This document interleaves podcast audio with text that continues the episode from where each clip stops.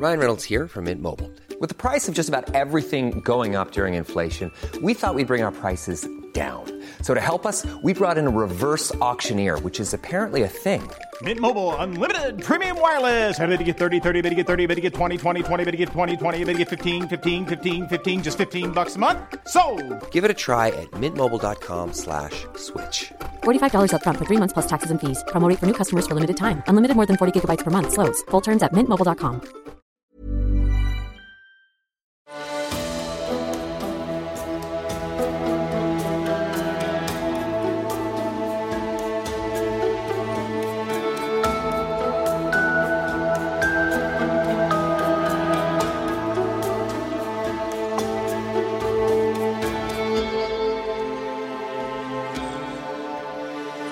Velkommen til Seriemorderpodden, podkasten dedikert til seriemordere.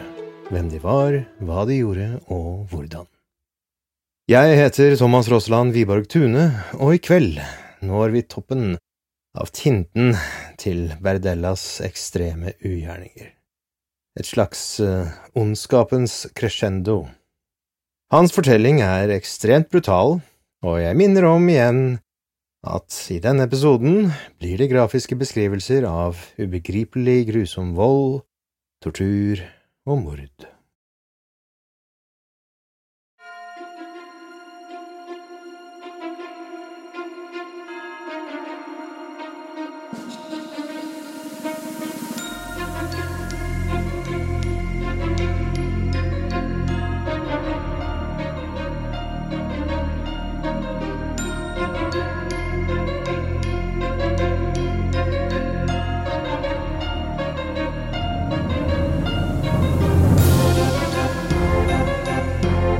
Berdella hadde ironisk nok i mange år prøvd å hjelpe flere unge menn vekk fra gaten, gitt dem et hjem og matet dem.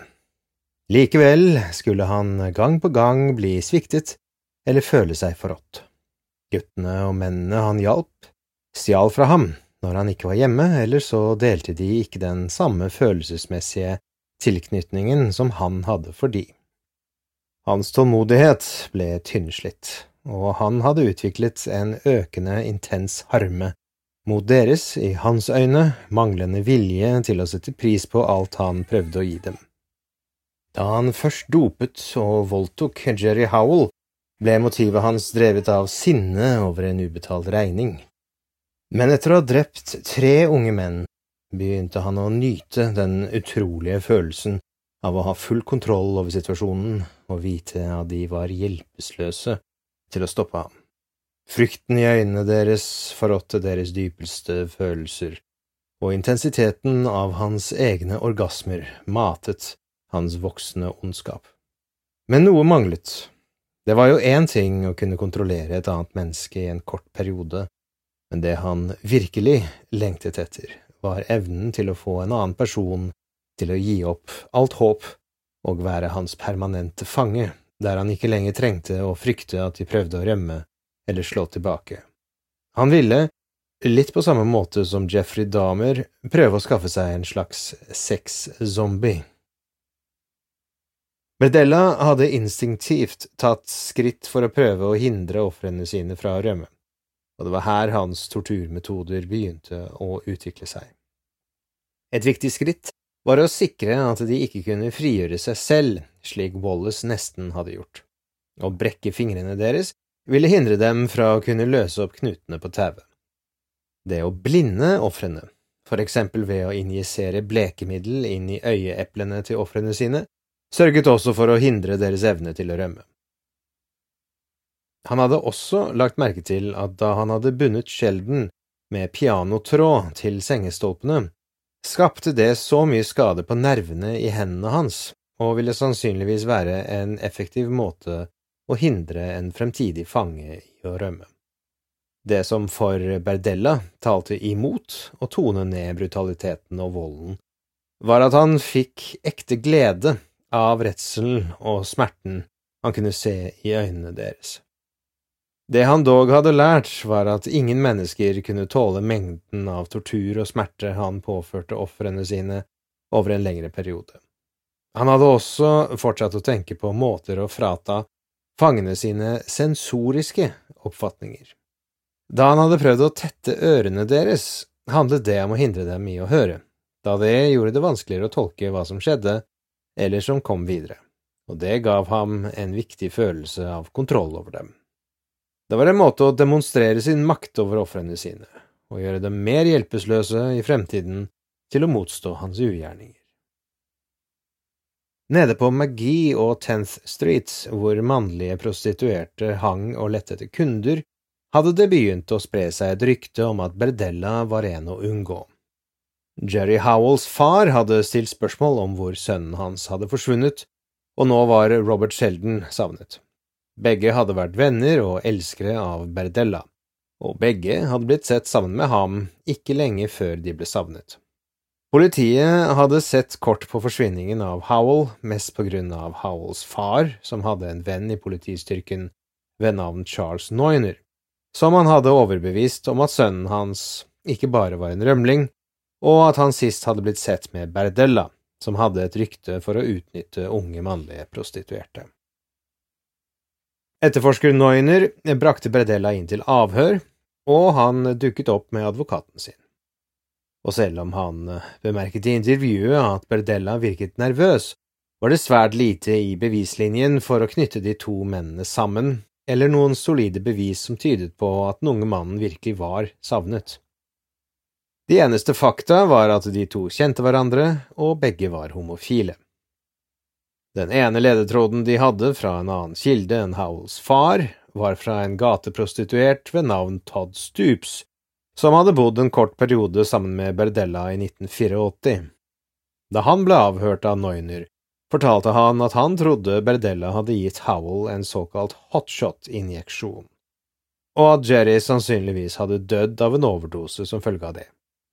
Det eneste problemet var at Stoops hadde sittet i fengsel den kvelden Howell ble savnet, og kunne ikke ha sett Berdella gjøre noe mot Howell.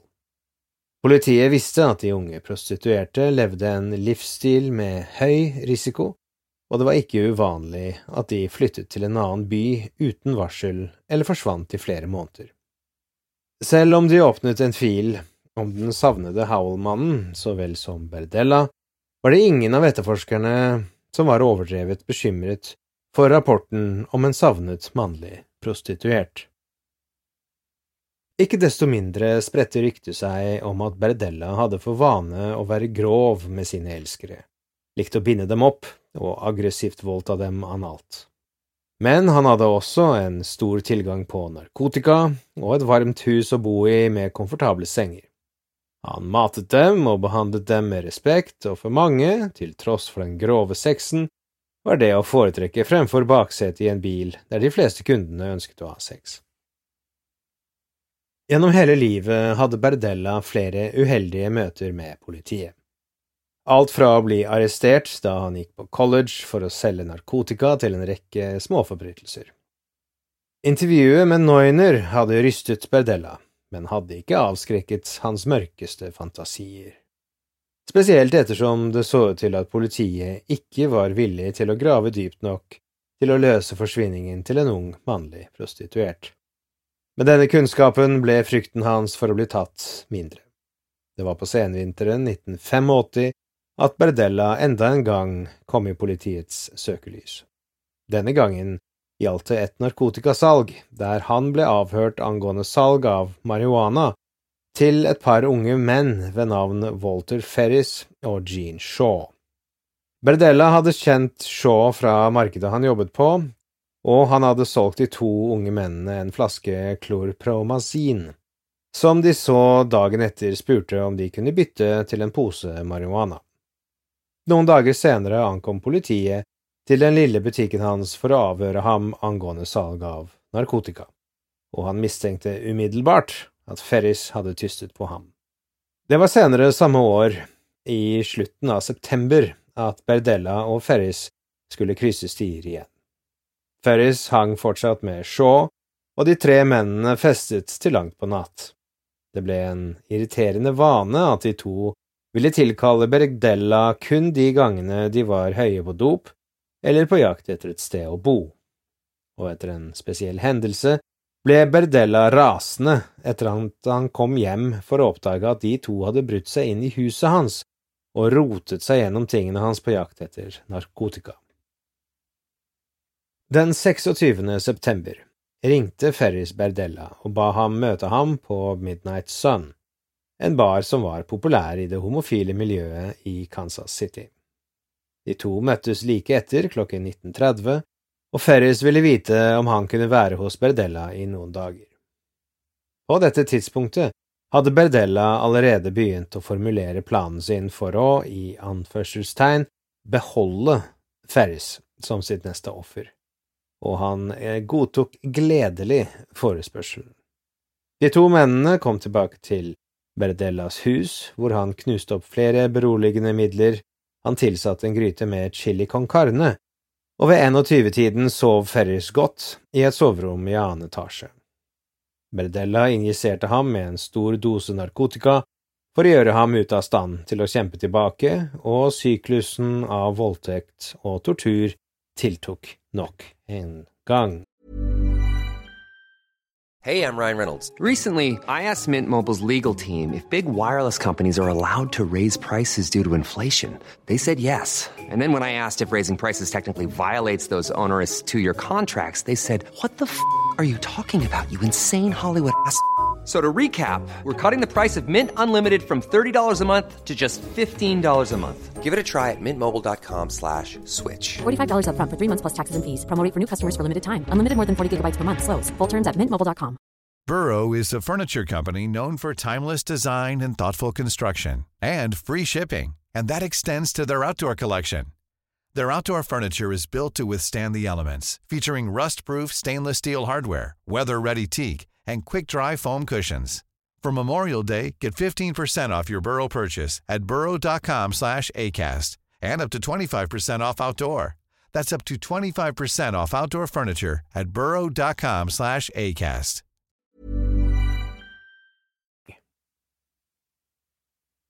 Utover kvelden skrev Berdella detaljerte notater om ugjerningene sine, som han hadde gjort med de andre ofrene. Han voldtok Ferris gjentatte ganger i tre timer før den unge mannen begynte å gjenvinne bevisstheten, noe som var det perfekte tidspunktet for å prøve ut den nye oppfinnelsen hans. To stekespader i stål som var koblet til hans 7000 watts transformator. Dette tillot Berdella i å elektrotorturere ham etter ønske, og raskt flytte strømmen dit han ville på kroppen til Ferris uten å måtte koble fra ledningene. Berdellas torturmetoder ble mer og mer brutale og sadistiske. Den elektriske torturen varte i opptil fire eller fem minutter om gangen. Han elektrifiserte Ferris sine kjønnsorganer og berørte øyelokkene med de elektrifiserte stekespadene. For hver sjokkbehandling spente Ferris seg i ekstreme spasmer mens han prøvde å skrike i redsel og smerte gjennom knebelet, som ble holdt på plass av pianotråd i munnen. Berdella noterte i dagboken sin at selv med knebelet ikke helt stramt i munnen til Ferris, klarte han ikke å skrike veldig høyt, ettersom Ferris hadde skadet stemmeboksen sin i en bilulykke da han var ung, noe som gjorde det vanskelig for ham å rope eller snakke veldig høyt. Stemmen hans var alltid lav og raspete etter ulykken, og den reduserte frykten Bedella hadde for at noen skulle høre Ferris skrike om hjelp. I de neste timene, og mellom elektrotorturøktene, snudde Berdella den unge mannen og voldtok ham gjentatte ganger i anus. Denne syklusen fortsatte gjennom natten til soloppgang, da Berdella tok Ferris' temperatur, som var like under 39 grader, som indikerte en lett feber.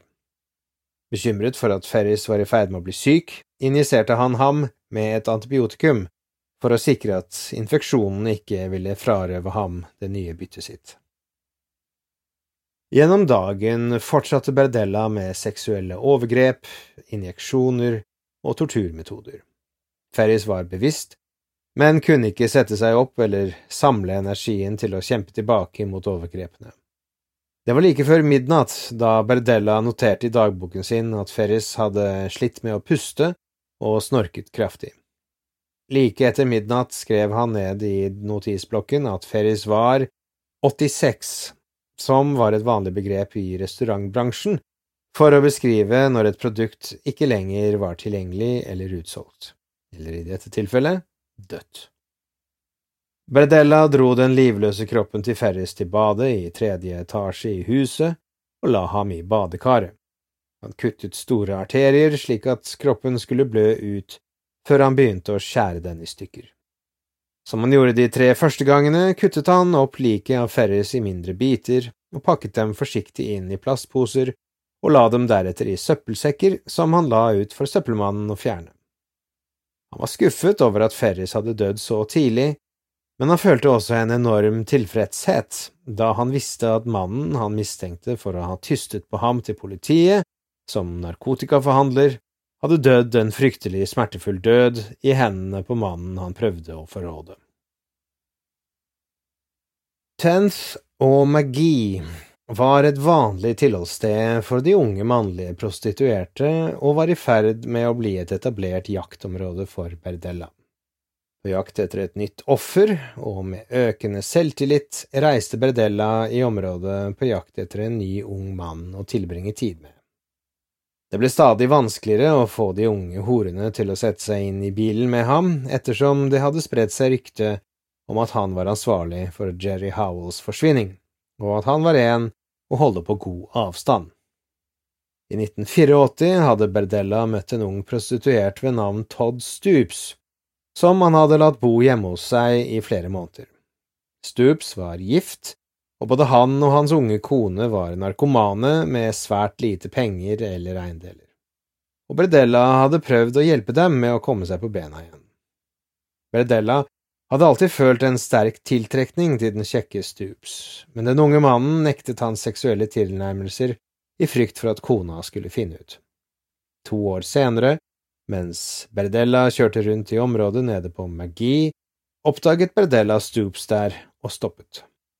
Først kjente ikke den unge narkomane og prostituerte igjen Berdella da han satte seg inn i bilen, men de to begynte raskt å snakke om gamle tider. Det viste seg at Stoops hadde sittet i fengsel i Oklahoma og mistet kontakten med sin kone. Stoops var hardt på kjøret, sulten og desperat, og gikk lett med på å returnere til Berdellas hus. Kansas City Butcher kunne ikke tro hellet sitt. Hans neste offer var en ung mann han lenge hadde ønsket og var ekstremt tiltrukket av. De to mennene pratet om løst og fast hjemme hos Berdella i Charlotte Street. Berdella satt ved kjøkkenbordet og lagde ham et peanøttsmørbrød der han hadde knust opp flere beroligende midler og valium. I løpet av en time sov Stoops, og Bredella gav ham en stor dose medikamenter for å sikre at han forble bevisstløs. Til tross for sin narkotikaavhengighet og lengre periode med å leve på gaten, var Todd Stoops fortsatt en kjekk mann. Med et attraktivt hode med krøllete hår og en mager, sterk kropp gledet Bredella seg spent til å ha sin vilje med ham. Denne gangen sverget han til seg selv at han ville passe mer på å sikre at han ikke ble frarøvet sin nye dyrebare eiendel for tidlig. Gjennom natten voldtok Berdella gjentatte ganger den sovende mannen til han ikke lenger kunne opprettholde en ereksjon. Da han følte seg seksuelt tilfredsstilt, begynte han å formulere planen sin for å sikre at Stoops ikke skulle dø og om mulig være hans mangeårige fange og sexslave. Like etter klokken syv trakk Berdella ut sin elektriske transformator og begynte å bruke de elektrifiserte stekespadene på Stups øyne, med den hensikt å prøve å blinde ham, noe som gjorde det langt vanskeligere for ham å rømme. I de neste 17 timene fortsatte elektrotortur, voldtektene og annen tortur. Mens torturen fortsatte, kom Bredellas ereksjon tilbake, og han hadde voldtatt på nytt gjentatte ganger den halvbevisste mannen som ikke var i stand til å gjøre motstand. På et tidspunkt, til tross for at han var sterkt dopet, gråt Stups av smerte etter at Berdella bøyde pekefingeren hans tilbake så langt at den brakk tvert av. Senere den kvelden var Berdella ganske fornøyd med at han var i stand til, som han bemerket i dagboken sin, å i anførselstegn fiste Stoops, altså å dytte hele knyttneven sin inn i endetarmen til Stoops. Dette pågikk i flere minutter, og kort tid etter noterte han i dagboken sin at Stoops blødde kraftig fra anus. Det å presse en knyttneve inn i anus på et annet menneske uten glidemiddel og uten samtykke er ekstremt. Handlingen medførte at det ble dannet store revner i endetarmen til Stoops, som igjen ble infisert, i tillegg til å påføre ham store blodtap. Uforskrekket av det ekstreme overgrepet han nettopp hadde utsatt Stoops for, begynte Beldella dernest å piske Stoops med en elektrisk ledning. Med hvert smertefulle slag vred den blødende og forslåtte Stup seg i smerte, som bare tjente til å tenne Berdella enda mer. Stoops prøvde å skrike, og selv om han var kneblet med en klut bundet til munnen med pianotråd, lagde han fortsatt for mye lyd til at Berdella kunne være sikker på at en nabo med åpent vindu ikke kunne høre ham. For å løse dette problemet falt det Berdella inn at han kunne injisere avløpsrens i strupehodet til Stoops, og på den måten kanskje skade stemmebåndene nok til å gjøre det umulig for Stups å rope høyt. Ved hjelp av en sprøyte injiserte han flytende avløpsrens på siden av Stups strupehode, og passet på å ikke få injeksjonen for nær der den kunne komme inn i luft- og spiserøret, og slik nå maven hans, der den kunne ende opp med å forgifte ham til døde. Dagen etter, da Stups kom til bevissthet, ga Bardella ham litt brus og is, men mannen klarte ikke å holde det nede. Han hadde begynt å utvikle feber, noe som bekymret Berdella, og han gav mannen en sprøyte antibiotika for å bekjempe muligheten for infeksjon. Etter hvert som dagen gikk, begynte Stoops å gråte og trygle Berdella om å la ham gå. Berdella fortalte ham at hvis han ikke gjorde det han ba om, eller gjorde motstand, skulle han fortsette å elektrotorturere og piske ham til han ønsket at han var død. Dagen etter, da Stoops hadde gjenvunnet litt av kreftene, spiste han en liten lunsj og klarte å forhindre at den ble kastet opp igjen. Den unge mannen hadde ingen kraft igjen til å gjøre motstand, og lot Berdella gjøre som han ville eller ba om. I 13 dager fortsatte voldtektene, og Stoops ble svakere og svakere. Kroppen hans hadde mistet mye av muskelmassen, og han var ekstremt dehydrert. Bredella hadde klippet håret av Stups da krøllene stadig ble viklet inn i pianotrådene, og mannen var knapt til å kjenne igjen fra hvem han var bare to uker tidligere.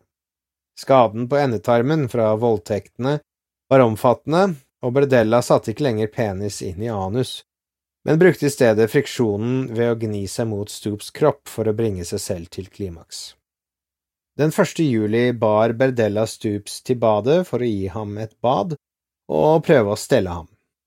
Etter badet ble han bekymret for at Stoops ikke fikk puste skikkelig, ettersom pusten hans hadde blitt anstrengt. Deretter bandt han Stoops til en stol, slik at han ikke skulle falle fordi han var blitt for svak til å holde balansen. Like før middag, fortsatt fastspent i stolen, døde Todd Stoops ikke lenger i stand til å bekjempe infeksjonen fra den revnede veggen i endetarmen forårsaket av Bredellas voldsomme knyttneve. Nok en gang gjorde Berdella presise kutt for å drenere blodet fra Stups livløse kropp. Søppelhentingen fant ikke sted på flere dager, og han tok seg god tid på å kutte opp mannen. Hver del av kroppen hans pakket han inn i plast og tok ned trappene til kjelleren, hvor han håpet at de kjøligere temperaturene skulle bidra til å bremse forråtnelsesprosessen. Mandag morgen, 7. juli, ankom de intetanende søppelmennene til Berdellas hjem på Charlotte Street, plukket opp søppelsekkene som inneholdt kroppsdelene til Todd Stoops, og tok dem med til samme søppelfylling hvor Jerry Howell, Robert Sheldon, Mark Wallace og Walter Ferris også hadde blitt dumpet. Hi, I'm Daniel, founder of Pretty Litter. Did you know cats tend to hide symptoms of sickness and pain? I learned this the hard way after losing my cat, Gingy. So I created Pretty Litter, a health monitoring litter that helps detect early signs of illness by changing colors, saving you money and potentially your cat's life. Pretty Litter is veterinarian developed, and it's the easiest way to keep tabs on your fur baby's health right at home. Go to prettylitter.com and use code ACAST for 20% off your first order and a free cat toy. Terms and conditions apply. See site for details. Planning for your next trip? Elevate your travel style with Quince. Quince has all the jet setting essentials you'll want for your next getaway, like European linen, premium luggage options, buttery soft Italian leather bags, and so much more. And is all priced at 50 to 80% less than similar brands. Plus, Quince only works with factories that use safe and ethical manufacturing practices. Pack your bags with high-quality essentials you'll be wearing for vacations to come with Quince. Go to quince.com slash pack for free shipping and 365-day returns.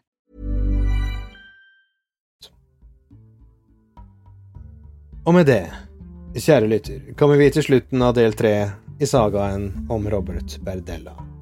Neste episode tar vi for oss fortsettelsen av sagaen, så som de sier i Radioland. Følg med.